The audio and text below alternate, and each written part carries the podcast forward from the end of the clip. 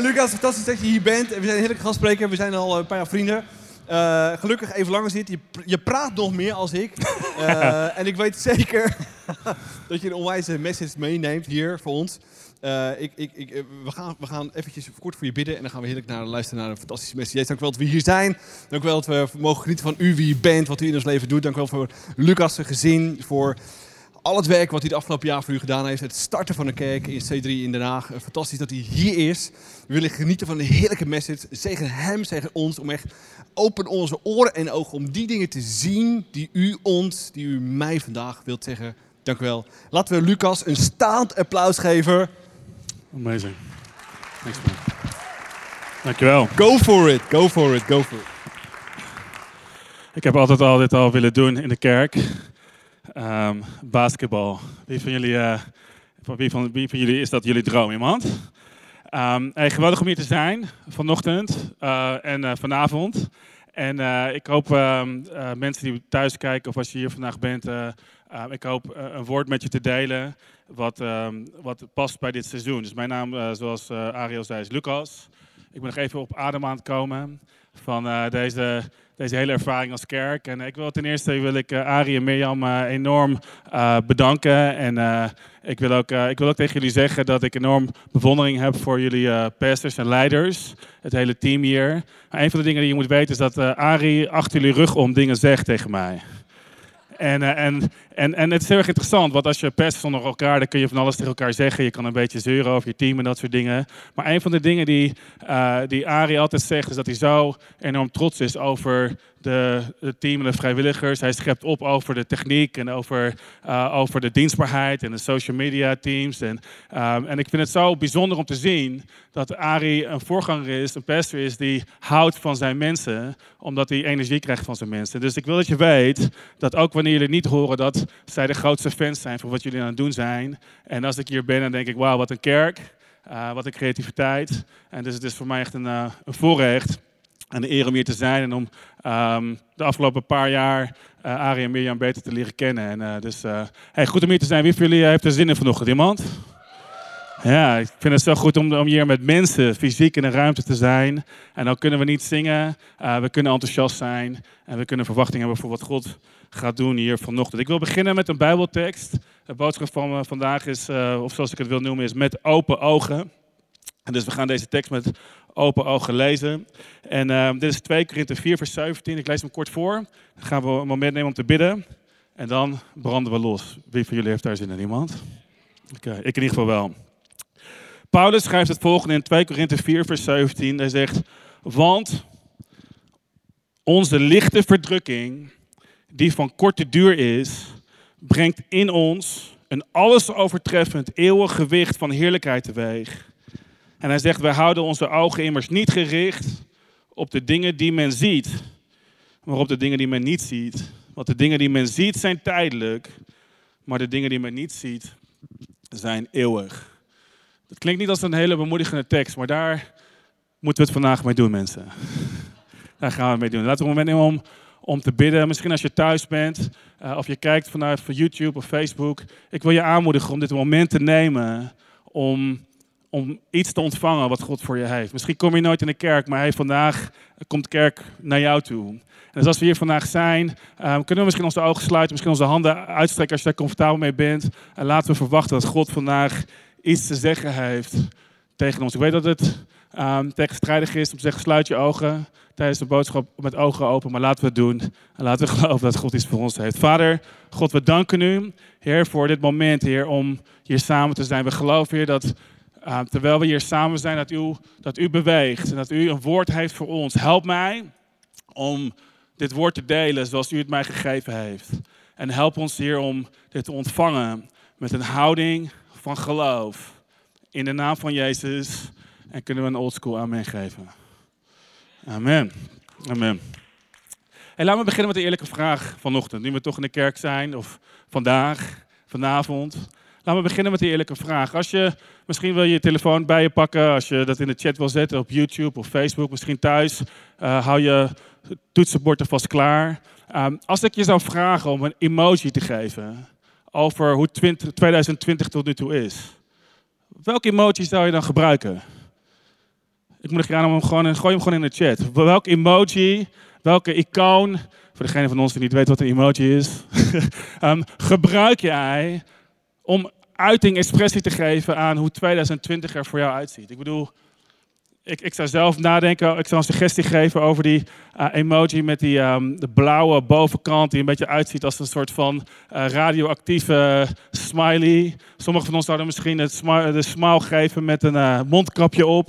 Ik, ik zat nog te denken aan een doodskop, een clown of misschien dat uh, figuurtje die gewoon zo staat van ik weet het niet. Maar ik weet niet hoe 2020 voor jou is, maar ik denk dat het een ander statement is om te zeggen dat het een pittig jaar is geweest. Kom op iemand, is er iemand in de kerk vandaag?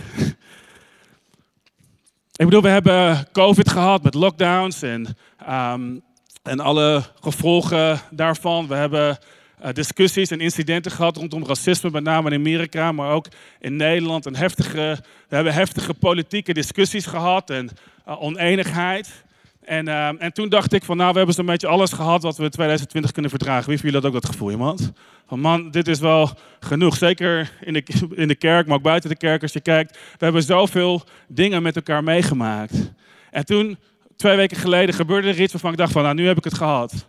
Toen bleek dat Gordon een comeback aan het maken is. Kom op iemand. Ik dacht van, nee, ik dacht, 2020 was al zo'n zwaar jaar. En toen zei Gordon, ik ga weer beginnen met zingen. Trouwens, Gordon, als je kijkt vandaag, eh, je bent welkom in ICF. Uh, ook in Stedelijk Den Haag. We houden van je. Dus als iemand dit als een soundbite gebruikt, je bent welkom in de kerk. Maar man, ik dacht, dit is, dit is me toch wel een jaar geweest. Covid, racisme, politiek en Gordon. Dit is amazing. En, en de reden waarom ik deze tekst vandaag erbij pak, is omdat ik denk dat er soms zijn er momenten waarin feel-good teksten je geen feel-good gevoel geven. Zie, soms zijn er momenten in je leven waarin we, waarin we teksten nodig hebben met substantie om ons, om ons te bewegen, om te blijven geloven en te blijven verwachting te hebben en om door te blijven gaan in momenten zoals deze. Kom op, wie weet waar ik het over heb vandaag. En 2020, ik dacht, dit is misschien een moment om deze tekst uit de kast te halen. En ik wil je aanmoedigen met een aantal ideeën. Het eerste gedachte die ik met je wil delen vandaag is dat geloof is geen ontkenning van ons probleem. Geloof is geen ontkenning van onze problemen. Paulus zegt hier, hij zegt, als we die tekst kunnen zien, hij zegt hier, want onze lichte verdrukking. Ik, wil een, ik, wil, ik weet dat Paulus zijn verdrukking licht noemt. Maar kunnen we ten eerste erkennen dat Paulus zegt dat hij verdrukking heeft? Kunnen we ten eerste erkennen dat Paulus erkent dat hij problemen heeft? En ik hou ervan, want, want Paulus die schreef de handboeken over geloof. Paulus die schreef zoveel teksten met zo'n hoge verwachting. En toch zegt hij eerlijk in de Bijbel, in het openbaar zegt hij... Hey, wat ik meemaak is wellicht licht, maar het is een verdrukking. En ik denk dat het belangrijk is om te erkennen dat geloof geen ontkenning is van problemen. En sommige mensen zien geloof op die manier. Sommige mensen zien het leven van een verwachting en de beloftes van God is een leven waarin we, waarin we onze ogen moeten sluiten voor onze omstandigheden. Maar Paulus, ik denk dat het bemoedigend is, Paulus had problemen. Kan ik dit zeggen? Kom op mensen, kan ik dit zeggen? De vroege kerk had problemen. Zoveel mensen zeggen, we moeten teruggaan naar de vroege kerk. Wel, in de vroege kerk waren er offerboodschappen waar mensen stierven. Niet altijd goed nieuws. Het was altijd goed nieuws, maar het was niet altijd gemakkelijk. En dus, de Bijbel staat vol met problemen en mensen die gingen door uitdagingen en moeilijkheden. Sterker nog, als ik lees in de Bijbel, als je leest over de helden van geloof, dan, dan lees ik zelf dat de helden van geloof per definitie een probleem van geloof hadden. Dus zonder probleem is er geen overwinning. En geloof is geen ontkenning van problemen. Geloof um, gaat ergens anders over.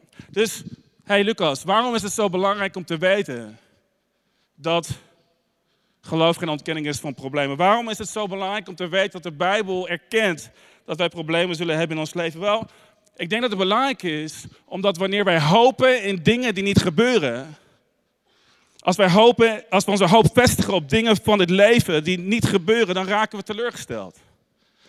Ik weet niet hoe het met jou zit, maar ik heb mensen gezien In dit seizoen, maar ook in andere seizoenen, die teleurgesteld raken. En het moment dat we teleurgesteld raken, kan dat een probleem veroorzaken voor ons geloof. Spreuken 13, vers 12 zegt: Uitgestelde verwachting krenkt het hart. Dat is een beetje een oude vertaling. Veel Engelse vertalingen zeggen: Hope deferred, dus opnieuw hoop die uitgesteld wordt, makes the heart sick. Maakt het hart ziek. En ik, en ik denk dat het belangrijk is om te realiseren dat als we onze hoop vestigen op dingen die vervolgens niet gebeuren, dat wij een knauw kunnen oplopen. Heb ik dat mooi op zijn leidens gezegd? Dat wij een knauw kunnen oplopen in ons, in ons, in, in ons binnenste. En dat kan ons geloof beschadigen. Ik weet niet of jij vandaag weet wat het is om hoop uitgesteld te hebben. Ik weet niet of je weet vandaag wat het is om met hoge verwachtingen teleurgesteld te worden. Maar uh, ik heb zelf uh, een vrouw, eentje gelukkig, heb ik me één gehouden. Um, ik heb een vrouw en, drie kinderen. Toen wij onze kerk begonnen, acht jaar geleden, toen hadden wij één dochter, Emily. Onze, onze oudste dochter uiteraard.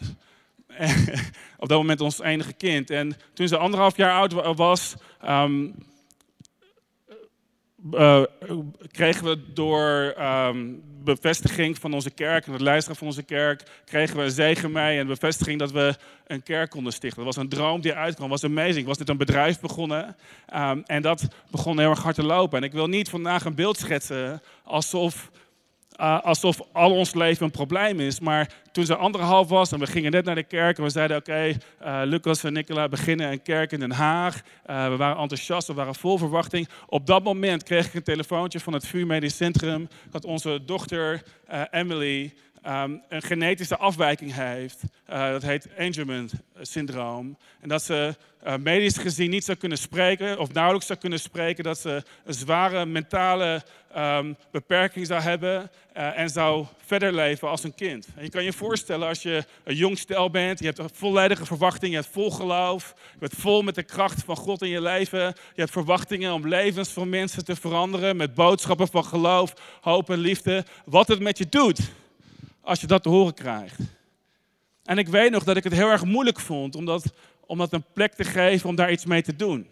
En, en wat ik merk, wat er gebeurt wanneer wij dingen meemaken, wat we vaak doen wanneer dingen tegenzitten, is we doen um, als, misschien als mensen of als gelovigen vaak één van een aantal dingen. Uh, een van de dingen die we doen mijn, mijn uh, zonnebril is net gestolen uit mijn auto, dus um, ik heb gelukkig uh, hier een ICF zonnebril. Een van de dingen die we doen, is we sluiten onze ogen voor onze omstandigheden. We zeggen, oké, ik geloof in God, ik geloof in wonderen, ik geloof dat God voor mij een belofte heeft. Ik sluit mijn ogen voor mijn situatie en zolang ik het niet kan zien, dan is het, dan is het er niet. Heb je wel eens een blauwe envelop thuis gekregen die je liever niet openmaakt? Als je denkt van, als ik het maar gewoon even niet onder ogen hoef te zien, dan bestaat het niet. Heb je wel eens in een relatie gezeten waarvan je denkt van, misschien is het beter om eventjes mijn ogen te sluiten voor de situatie, omdat ik kan geloof behouden zolang ik niet kan, zolang ik mijn ogen, kan, zolang ik mijn ogen niet open heb voor mijn situatie. Het probleem is, veel van ons leven in een permanente staat van ontkenning. En we kunnen geloven en we kunnen vertrouwen en we kunnen upbeat zijn en we kunnen optimistisch zijn, zolang we maar niet eerlijk hoeven te zijn over onze omstandigheden. Dus dat is wat, wat we kunnen doen. We kunnen onze ogen sluiten voor onze omstandigheden. Maar iets anders wat we kunnen doen is, we kunnen onze ogen sluiten voor de beloftes van God. En dit is wat er vaak gebeurt, dat als wij, als wij onze ogen niet gesloten hebben voor onze, onze omstandigheden, of als wij, sorry, als wij onze omstandigheden um, onder ogen zien en zogenaamd realistisch zijn, sluiten wij onszelf af voor de belofte van God. En wat er gebeurt is, we, we, we definiëren Gods woord naar onze omstandigheden. Want het is te moeilijk voor mij om te kijken naar mijn omstandigheden en om te kijken naar het woord van God. Er is een te grote mismatch, een te grote kloof tussen wat ik geloof en wat mijn praktische realiteit is. Dus ik sluit mijn ogen voor het woord van God. En ik denk, om heel eerlijk te zijn, dat heel veel mensen die problemen meemaken als het tegenzit, heel veel mensen leven in een soort van schizofreen bestaan. Ik, ik, ik open mijn ogen voor het woord van God en ik, ik sluit mezelf voor mijn omstandigheden en, ik sluit, en, en, en, en andersom. En we, we leven een soort van bestaan en we proberen te geloven, maar we kunnen niet helemaal. We leven een soort van knipperlichtrelatie. Ik geloof wel, ik geloof niet. Ik geloof wel, ik geloof niet. Omdat het moeilijk is, en dat is mijn ervaring, omdat het moeilijk is om je omstandigheden onder ogen te zien en toch te geloven in de beloftes die God voor je heeft.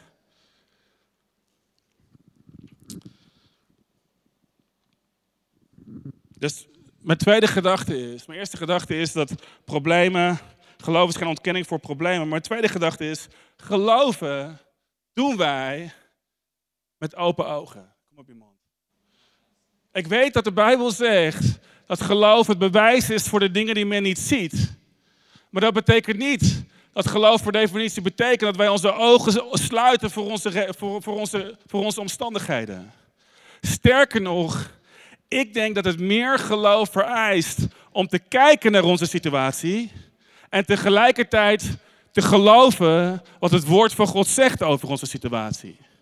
En ik zo vaak leven in een, in een, in een, in een, in een open ogen, open dicht, ogen open, open dicht relatie. Maar Paulus, hier zien we, Paulus leeft met zijn ogen open.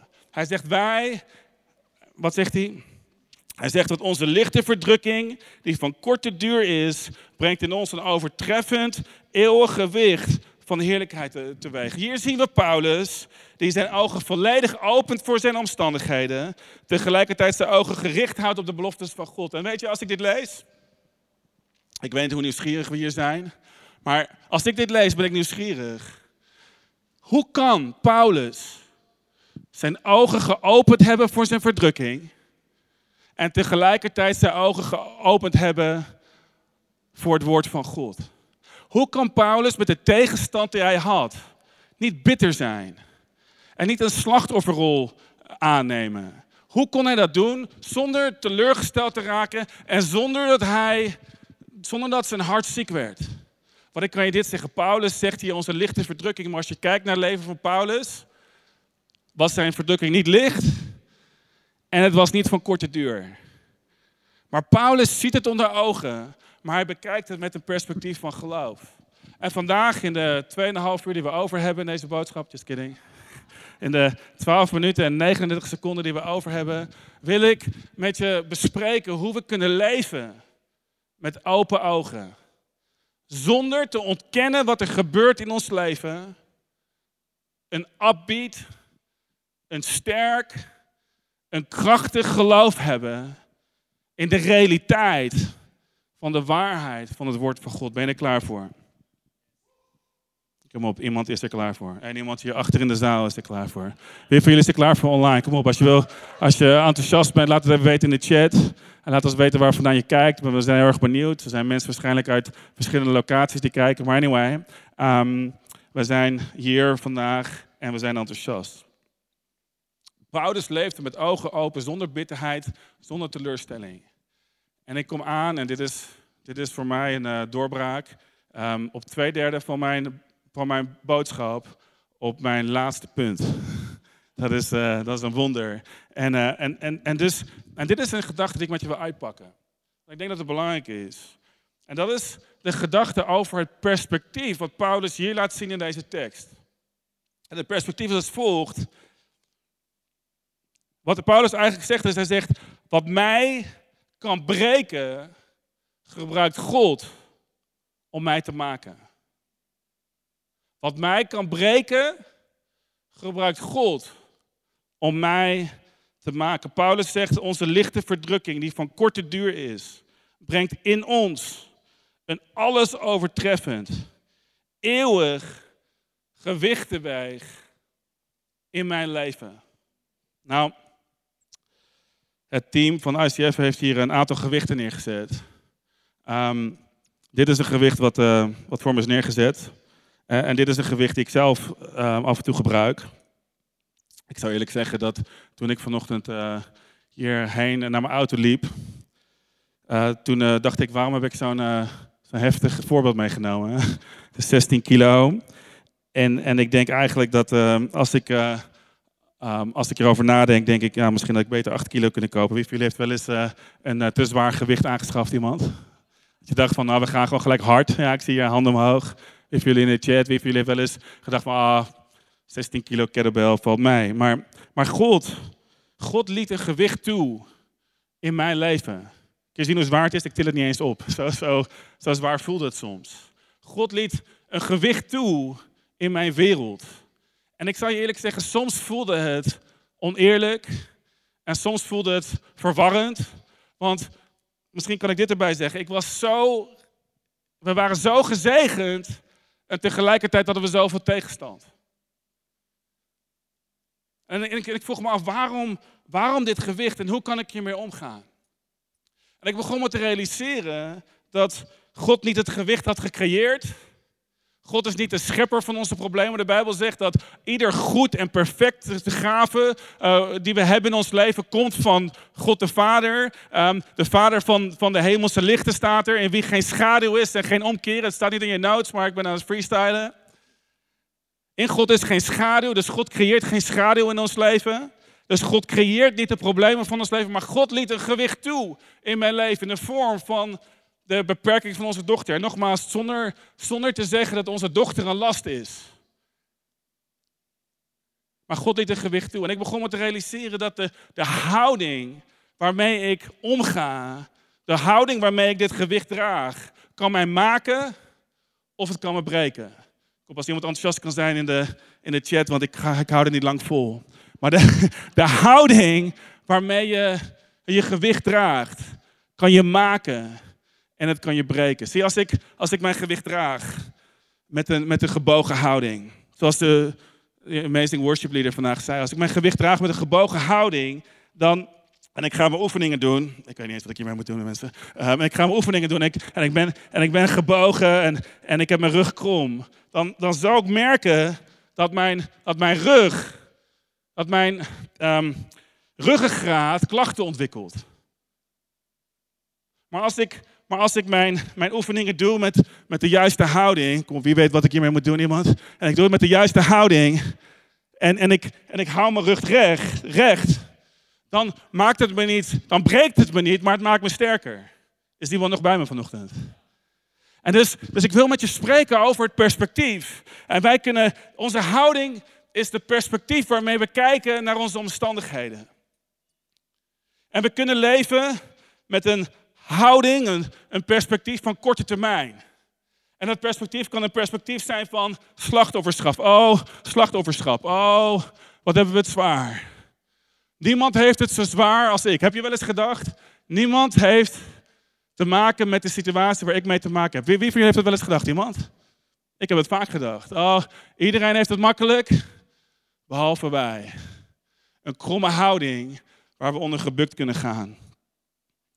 Als ik het bekijk met een perspectief van teleurstelling. Ik, heb ik had zoveel dingen gehoopt, maar nu heb ik hiermee te maken. Of als we hier naar kijken met een perspectief van bitterheid. Dan zullen we merken dat het tijdelijk gewicht van onze omstandigheden zwaarder wordt dan het hoeft te zijn. Paulus zei, mijn gewicht, mijn tegenstand, mijn verdrukking is licht en het is kort. Maar dat komt omdat Paulus zichzelf niet zag als een slachtoffer. Ik ga het neerleggen, sorry. Um, het komt omdat Paulus zich niet zag als een slachtoffer van zijn omstandigheden.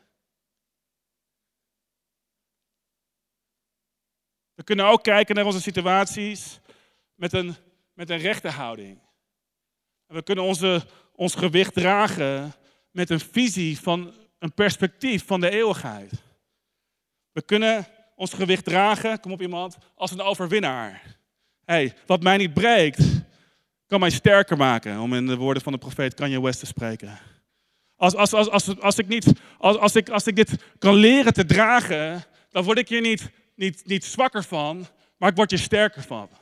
Is er iemand die weet wat het is om een gewicht te dragen? Want gewichten zijn niet per definitie slecht voor ons leven. De Bijbel zegt, dat is een groot statement, moet je voor oppassen in de kerk. Maar de Bijbel zegt dat toen het volk van Egypte verdrukt werd, namen ze toe, namen ze exponentieel toe in aantallen. En hoe meer zij verdrukt werden, hoe meer zij toenamen. Wat weet God? Wat onze vijanden niet weten, is dat wat ons niet breekt, kan ons sterker maken. Vorige week in onze kerk deelde Ari een tekst, 1 Korinthe 10 vers 13, waarin staat dat God geen gewicht, geen verdrukking, geen verleiding toelaat in ons leven. Wat wij niet in staat zijn om te dragen. Met iedere verdrukking geeft hij ons ook een uitweg. Want zie, God weet wat je aan kan. Misschien denk je, waarom maak ik mee wat ik meemaak? Of voor sommigen van ons is het een compliment van God. Want God weet wat je kan hebben. God is niet de schepper van je verdrukking. God is niet de schepper van je gewicht. Maar God weet wat je kan hebben. En wat je niet breekt, kan God gebruiken om je sterker te maken. En luister, dit is belangrijk over perspectief. Hoe meer, hoe meer, ik, mijn, hoe meer ik mij fixeer op mijn probleem, hoe zwaarder het wordt. En ik merkte in mijn leven dat ik voor maandenlang, dat ik iedere dag wakker werd en ik een last voelde op mijn schouder. En ik voelde een druk die ik niet kon wegkrijgen en die ik niet van me af kon schudden. Het was een last van teleurstelling en een last van pijn. En hier ben ik, een jonge pester, toen nog, nog steeds. Nu, nu een jonge pester zonder haar. Maar hier ben ik en ik spreek woorden van geloof, van bemoediging over mensen. En dat was authentiek, dat geloofde ik oprecht. En tegelijkertijd, als ik wakker werd, voelde ik een gewicht. En kan, kan, ik, je, kan ik je hiermee aanmoedigen?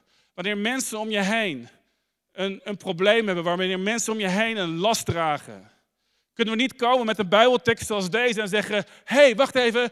Paulus zegt dat jouw verdrukking en jouw probleem licht is en van korte duur. Kijk naar de eeuwigheid. Want wij kunnen nooit op die manier een interpretatie geven aan de problemen van andere mensen. Maar wat we wel kunnen doen is, we kunnen zelf door de genade van God tot een plek komen waar we kunnen zeggen, ja, ik heb een gewicht in mijn leven. Ja, ik heb, ik heb problemen in mijn, in mijn uh, financiën. Ja, ik heb, ik heb tegenstand in mijn huwelijk. Ja, ik heb, ik heb, ik heb momenteel uh, uitdagingen op mijn werk. Maar ik weet dat mijn God in staat is om alle dingen ten goede te brengen. En hoe langer ik me fixeer op mijn gewicht, hoe zwaarder het wordt. Maar hoe langer ik bezig ben met het dragen van mijn gewicht, met de juiste houding, hoe lichter het begint te voelen. En een gewicht van 16 kilo, ik ben nog niet op deze plek op dit moment, zou ik eerlijk zeggen. Maar een gewicht van 16 kilo kan na een tijd beginnen te voelen als 2 kilo. En je kan, en je kan gewichten dragen in je leven. Waarom? Omdat je sterker bent geworden door het proces.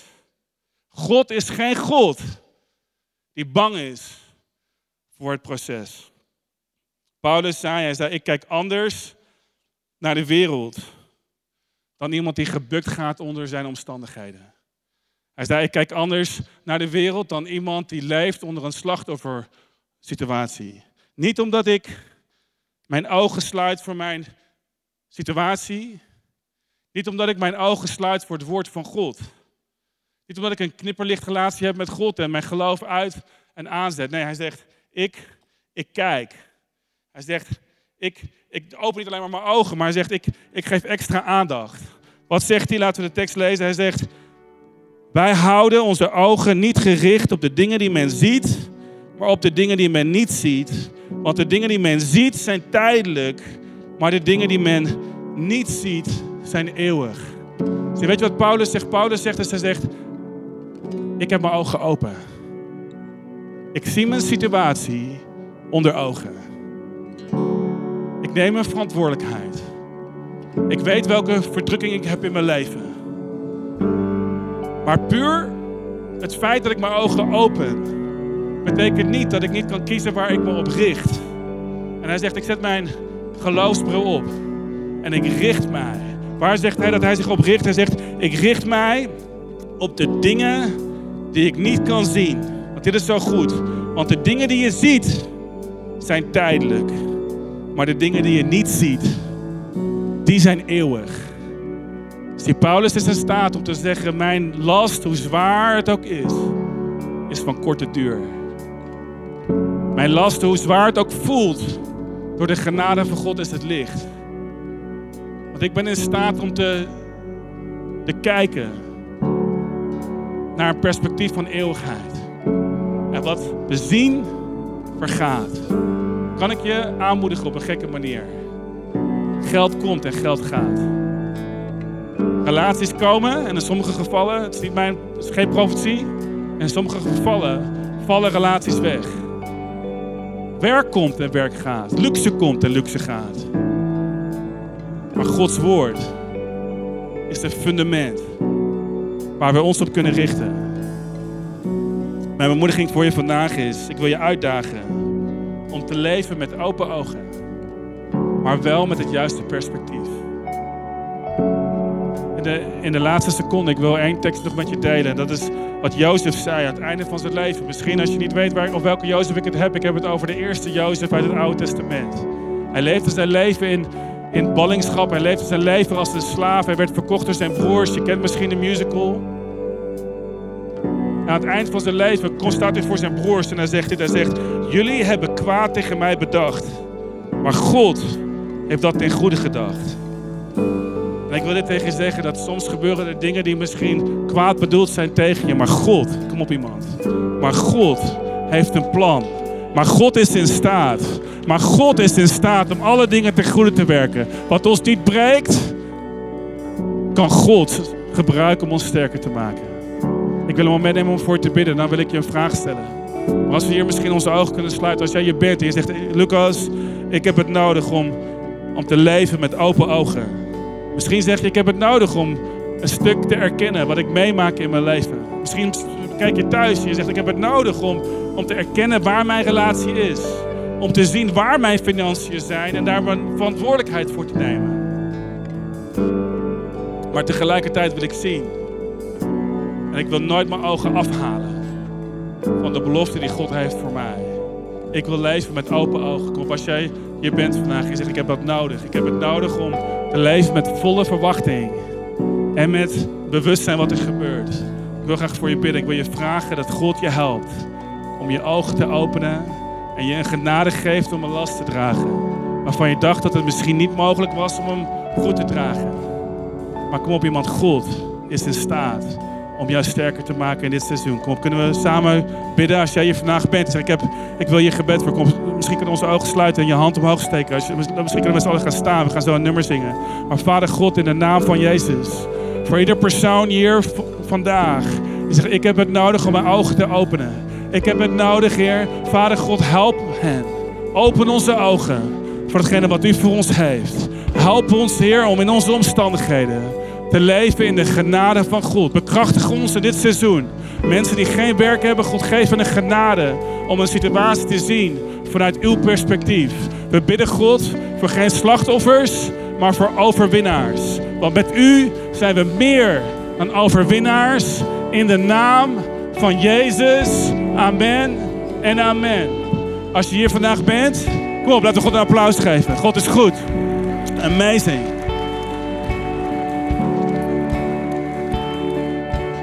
In het laatste moment van deze, van deze talk wil ik je vragen, als je hier bent en je- of als je kijkt en je zegt, ik heb het nodig. Misschien ben je teleurgesteld. Teleurgesteld in religie, teleurgesteld in situaties. Maar je, weet dat je God nodig hebt. Ik kan je zeggen dat de aanwezigheid van God in mijn leven hetgene was wat mij het meeste kracht gaf. God is betrouwbaar. En als je hier bent, als je vandaag bent en zegt, ik wil graag een connectie maken met God. Ik wil een gebed bidden. En dat gebed kun je, laten we misschien met elkaar nabidden. Of mogen we dat doen? Maar laten we het gebed bidden of in ons hart. Als je thuis bent, ik wil je vragen om dit gebed te bidden. Als je zegt, ik heb God nodig in mijn leven. Ik wil me overgeven aan zijn wil. Ik vertrouw erop op dat hij goed is. Ik geloof dat je een moment mee zou maken met God. Wat onomkeerbaar is. Kom, zullen we dit samen bidden? Kunnen we dit samen bidden als we uh, in ons hart. Vader God, in de naam van Jezus.